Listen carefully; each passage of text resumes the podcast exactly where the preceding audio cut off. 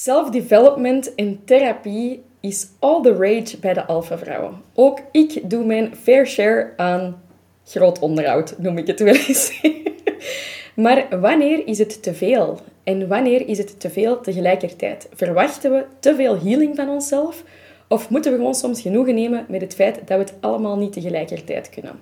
Wij praten er een beetje heel informeel over als beste vriendinnen. En dit gesprek was eigenlijk volledig ongepland. Dus hopelijk vind je het leuk. Laat ons zeker weten wat je van de aflevering vindt. Maar for now, enjoy. Welkom bij Generatie Alpha Vrouw. De podcast waar ambitieuze vrouwen elkaar het licht gunnen en de beste versie van zichzelf worden.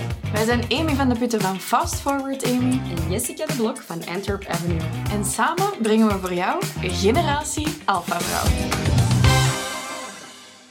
kan denken, ja, dat ik uitgeheeld ben. Nee, niet, ik ben zeker niet uitgeheeld. Definitely Wanneer not. stopt je me van die heel oh, shit te doen? Ik ben echt uitge... Ik heb zoveel therapie... Ik ben therapiemoe. Dat ben ik. Therapiemoe. Ik heb duizenden therapieën gedaan en nu moest ik drie therapieën tegelijk doen en ik was gewoon echt kapot. En ik dacht, ik ben zo moe. Ik wil niet nog therapie doen. Ik moet daar altijd van recoveren. Ik ben altijd moe.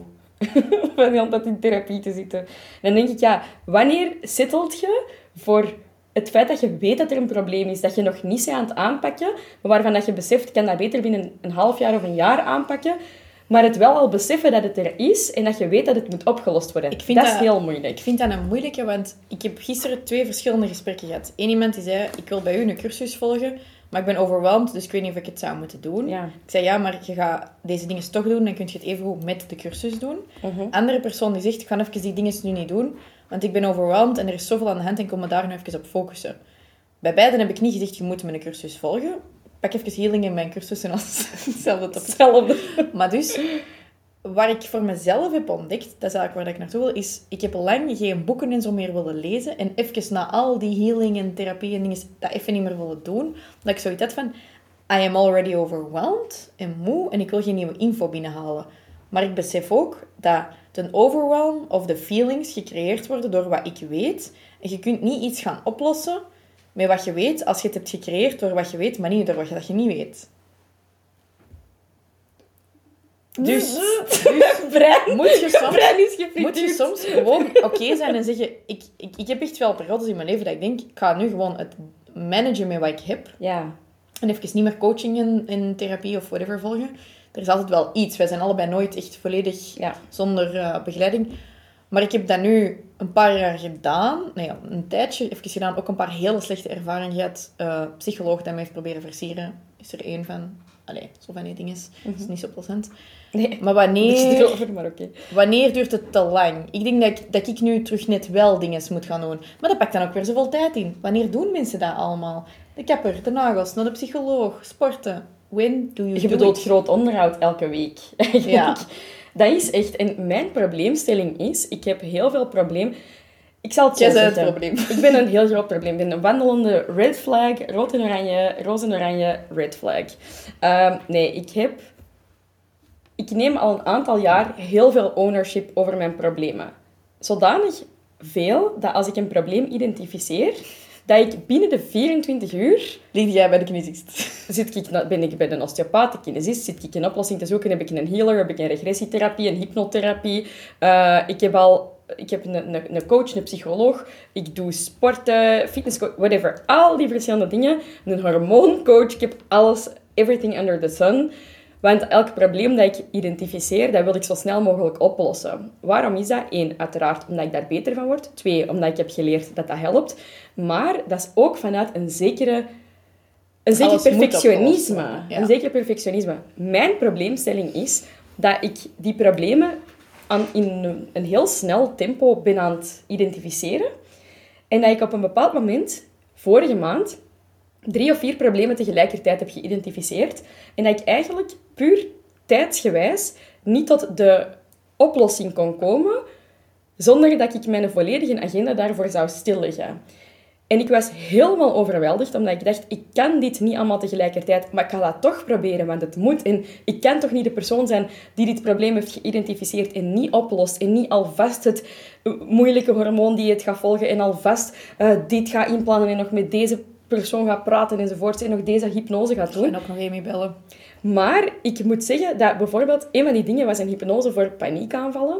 En dan ook nog naar de dokter gaan en dat laten onderzoeken. En, en, en, en ik heb die hypnose gedaan, maar ik ben daar wel gewoon twee weken of zo niet goed van als ik dat doe. Ik moet daar echt wel even van genezen.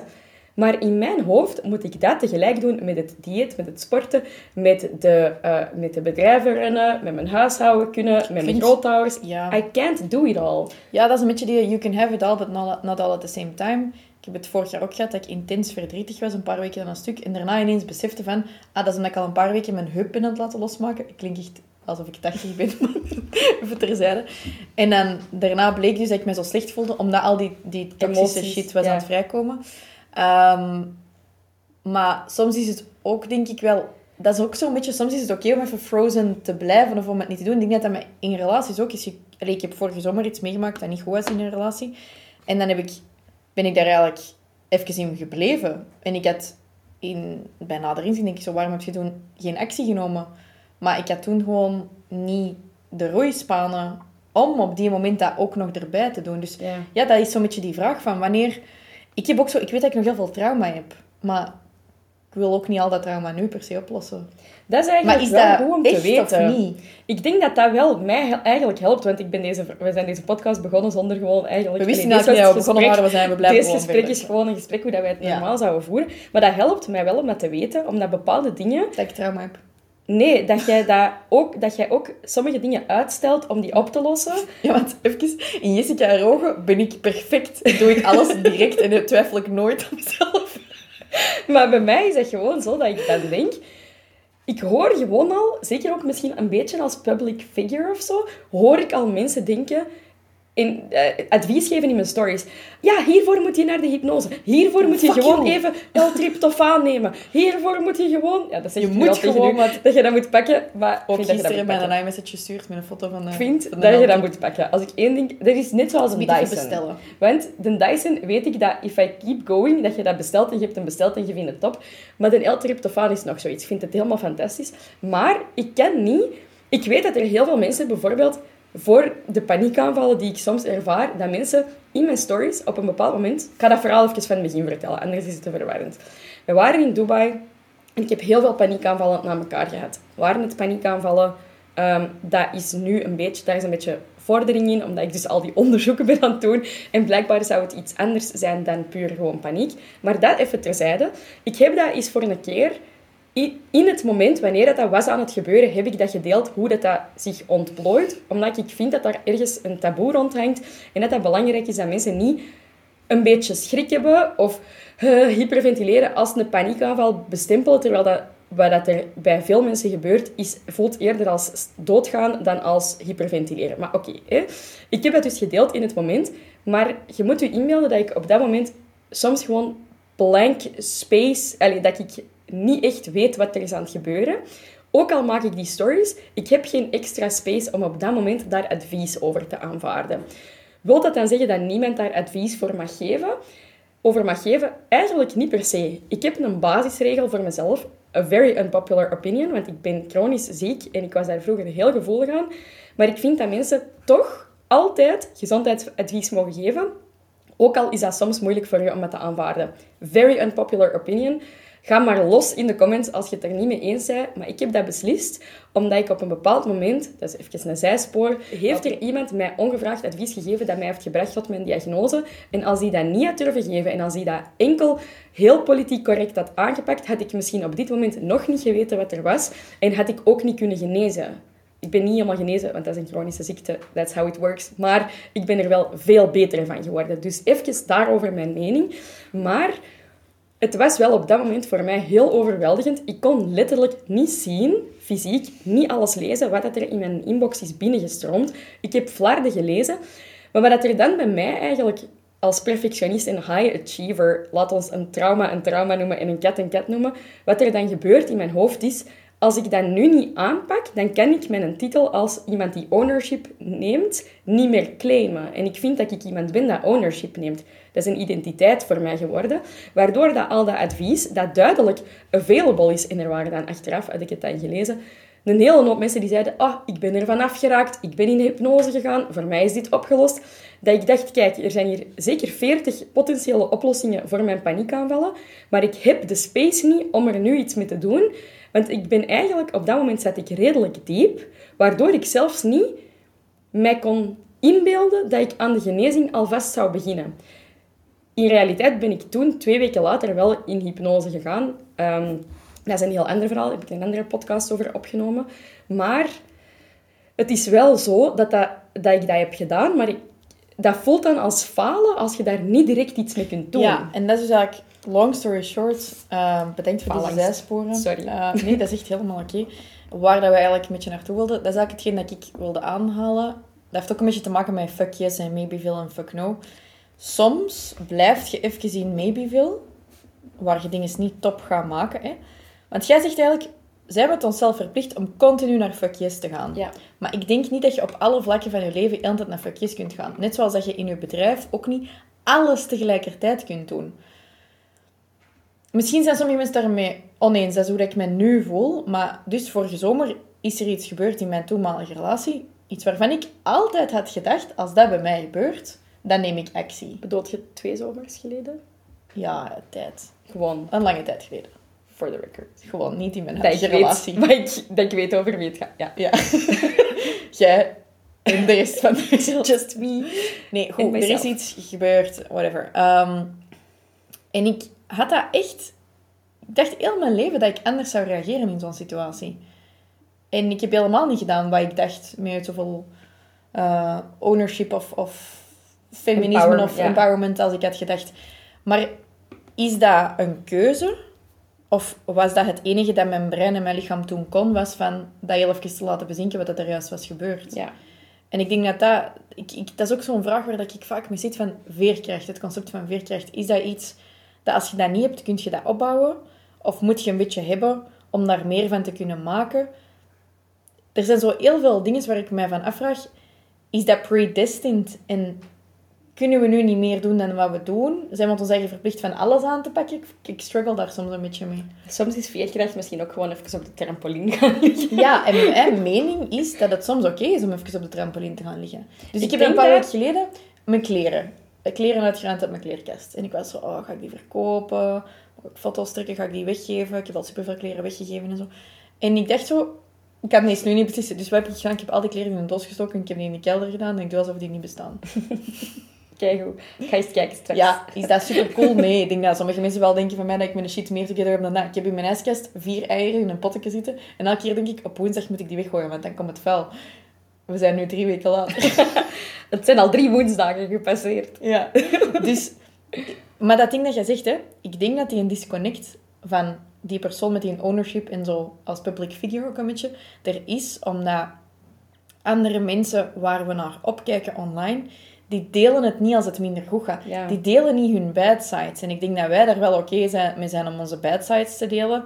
Maar dan mocht je dan ook niet te veel doen. Dus dat is gewoon heel dubbel. Maar ik vind dat verfrissend als iemand iets deelt. Dat ze... Van, van de week had iemand, waar ik wel heel veel respect voor heb online, gedeeld dat ze terug haar morning routines ging oppikken, want dat ze anders direct een energy drop voelt. En ik was zo... Amma, ik ben blij om te weten dat jij ook niet altijd de perfect morning routine hebt. Want ik, I thought it was just me die al twee weken niet meer aan het stretchen is. Ja, inderdaad. Dus ik denk niet dat iedereen altijd alles direct aanpakt. Nee, en ik denk dat we misschien mensen online vaak bekijken als een afgewerkt product, waardoor we zelf het gevoel hebben dat we een afgewerkt product moeten zijn in plaats van een work in progress. En we zijn allemaal een work in progress, maar ik wil graag altijd één probleem down. Let's catch the next one. Bam, bam, bam. Maar dat is ook disc. Je bent heel ja. probleemoplossend. Ja, en ik kan dat niet goed verdragen om in het probleem... Ik kan eigenlijk het probleem bijna niet erkennen zonder het direct op te lossen. Dat is een van mijn bad sides. Als ik een probleem benoem, moet ik het kunnen oplossen. Want ik kan niet in die situatie blijven zitten dat ik het weet en dat ik het niet oplos. Ja, dat, dat zit in je karakter. Ja, vind ik heel moeilijk. Ik vind dat heel vervelend ook. Want dat wil ook zeggen dat ik soms problemen negeer omdat ik die niet wil erkennen, maar ik weet dat ik er niks aan kan doen. Dus ja, en dan is weer de vraag, zijn het limiting beliefs die ons laten denken dat we... niet. het is, het is, dit is eigenlijk een eindeloos ik weet, het, ik weet het echt niet. Ik ben in ieder geval... Um, denk ik dat als ik er nu zo wat het framework op toepas van wat ik veel online lees, dat je je gevoelens gewoon moet laten komen, dat je woede moet laten komen als het komt, dat je bepaalde gevoelens mocht voelen, dat dit misschien ook iets is dat er even mag zijn. Dat je er even door mocht. Dat ik ook niet direct het verdriet of whatever, als ik een probleem heb geïdentificeerd, niet direct moet wegduwen om het op te lossen, maar dat ik misschien er even mee mag ja, zitten. dat is het completing the cycle, feeling your feelings aspect. Dat is ook belangrijk. Je mocht ook even verdrietig zijn. Feel your fucking feelings, inderdaad. Ja, en ik denk ook wel dat er momenten in je leven gaan zijn waar je nu eenmaal makkelijker dingen kunt gaan oplossen. En ik, ik denk dat dat een beetje is. Ik heb op een gegeven moment heel dicht tegen een burn-out gezeten. Ik weet niet helemaal goed wat er toen is gebeurd, dat is lang geleden. Maar dat was zo van, ja, je moet gaan wandelen om je beter te voelen. Maar ik kon mijn eigen er niet toe brengen om te moeten gaan wandelen. Ja. Dus ja, je hebt misschien rugpijn, maar misschien kost het je nog meer moeite om naar de kinesist te gaan. Misschien zijn er nu eenmaal seizoenen in je leven waarbij dat je dat kunt. En misschien zijn er gewoon andere seizoenen in je leven waarbij dat je op de bank ligt.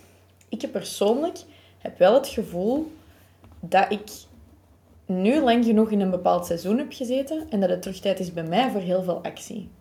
En om even zo heel veel ownership te pakken en weinig te zeveren. Let's go. Kijk hoe. Ik heb denk ik nog één mooie conclusie voor mezelf, die ik net heb bedacht op basis van wat we net hebben besproken. Ik denk dat ik gewoon aan mezelf de belofte moet maken dat ik er niet dat ik het niet op de lange baan ga schuiven. En dat het binnen dit, dat ik mezelf een soort van periode geef van oké, wanneer ik het voel binnen dit in zes maanden, dan zal ik er iets aan doen. En ik zal dat met de surge van energie die ik af en toe wel voel, zal ik er iets aan doen. Maar ik kan het op dit moment niet allemaal tegelijk doen. Ik ga het één stapje, stapje, stapje per keer doen. Maar ik maak de belofte aan mezelf om het probleem niet te laten... Om niet van maybe veel naar een fuck no te gaan. Ik wil daar nog iets over... Ja, vertel. Het komt heel erg binnen. Want ik denk wel dat dat iets is dat we zeker als vrouwen allemaal meer nodig hebben. Van, het is oké om het niet allemaal tegelijkertijd te doen. Hè? Je kunt niet... Je kunt... Allez, dat hoeft... Ik ga niet zeggen kunnen. Want dat is zo'n beetje van wat is realistisch. Ja. Maar het hoeft niet. Maar wat ik heel frappant vond, is op het moment van deze opname, is het denk ik een week geleden of zo dat de Super Bowl was. En Rihanna heeft daar opgetreden. En daar is online enorm veel over gepost geweest. En de meeste posts dat ik heb gezien, ik heb, ik heb. Jij en u. Ik en een ingebeelde vriend. ja. Emu. Oké. Ik heb dat dus gezien. Uh, Sorry. Dus ik zeg altijd dingen passeren. Daar hebben we het hier nog niet over gehad. Nee, ik weet maar waar ik, van verschoot is... Dus ik had dat eerst zien, gezien bij iemand die zei... Ik ben evenveel maanden postpartum als Rihanna. Negen maanden. En die zei... En mijn buik ziet er nu zo uit. En Rihanna, die staat op het podium van de Super Bowl. En die is al terug zwanger. En die zei... We mogen allemaal in ons eigen seizoen, in onze eigen fase zijn. Big up to Rihanna, also big up to me. Dat was een beetje haar boodschap. En ik was zo, ah, I did not know any of this, want ja, ik ben totaal onbewust van eender wat er gebeurt in de popwereld. Dat is niet pop, zeker? Ik weet het niet. En dat zijn de roze vragen zo... in Trivial Pursuit. en ik zie... dat is al wat ik wist. Zo, nog posts passeren. En ik zie heel veel posts passeren over... Let Rihanna on the stage be a reminder to women everywhere that you don't have to do it all. Want die was dus op het podium zonder gasten.